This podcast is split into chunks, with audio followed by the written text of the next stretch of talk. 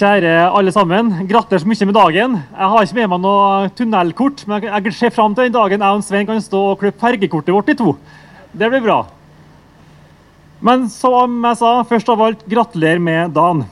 På ganske få år så har Nordmøre som region opplevd å fjerne hele tre bomstasjoner. Den første fjerna den nyvalgte Solberg-regjeringa allerede i 2013. Det var på strekninga Knutstedt-Asdal i Gjemnes. Deretter, i 2015, så var Imarsund-forbindelsen klar til å bli fjerna. Og nå i 2020 tar vi også bort innkrevinga i Atlanterhavstunnelen. Med andre ord så har vi bygga denne regionen sammen ved å erstatte ferger med fastlandsforbindelser. Men jeg husker også at det var noen røster som var litt skeptiske til det med tunnel. Eh, da den gode praten, unnskyldninga for å kjøpe seg svele, den gode powernappen på e- ettermiddagen også forsvant samtidig som ferga for.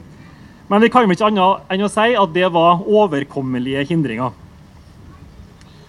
Som eh, smølværing så um, unner jeg alle andre som bor på ei øy, gleden av en fastlandsforbindelse og ei fergestrekning mindre. Og jeg tror Uansett hvem du spør til oss øy øyboere, så tror jeg de fleste vil være enig i at det er bedre å betale bompenger i en kort periode enn å betale ferge for alltid.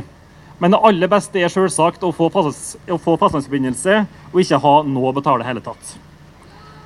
Når bomstasjonen nå rives, så fjerner vi også en faktor som kanskje ligger som en demper for at Averøy og Kristiansund skal fortsette å utvikle seg som en kraftfull hverdagsregion, der man pendler mellom kommunene og benytter seg av hverandres tilbud.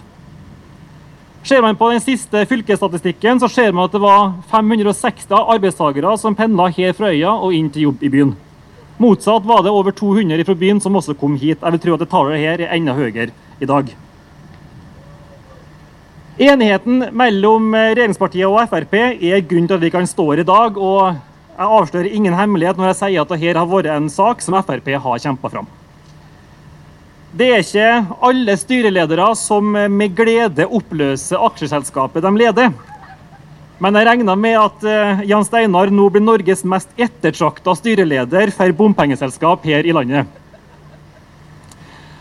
Det vi gjør i dag, det betyr enormt mye både for næringslivet og for folk, Så med dette slipper ei stor ekstraregning.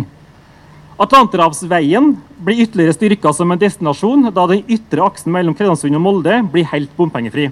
Det er dette også da gledelig for næringslivet. De eneste som kanskje ikke er fullt så glad, det er de bilforhandlerne som har solgt godt med elbiler her ute på siden tunnelen kom. Det blir spennende å se om Averøya nå stiger ned for tronen som en av de fem kommunene med flest elbiler her i landet.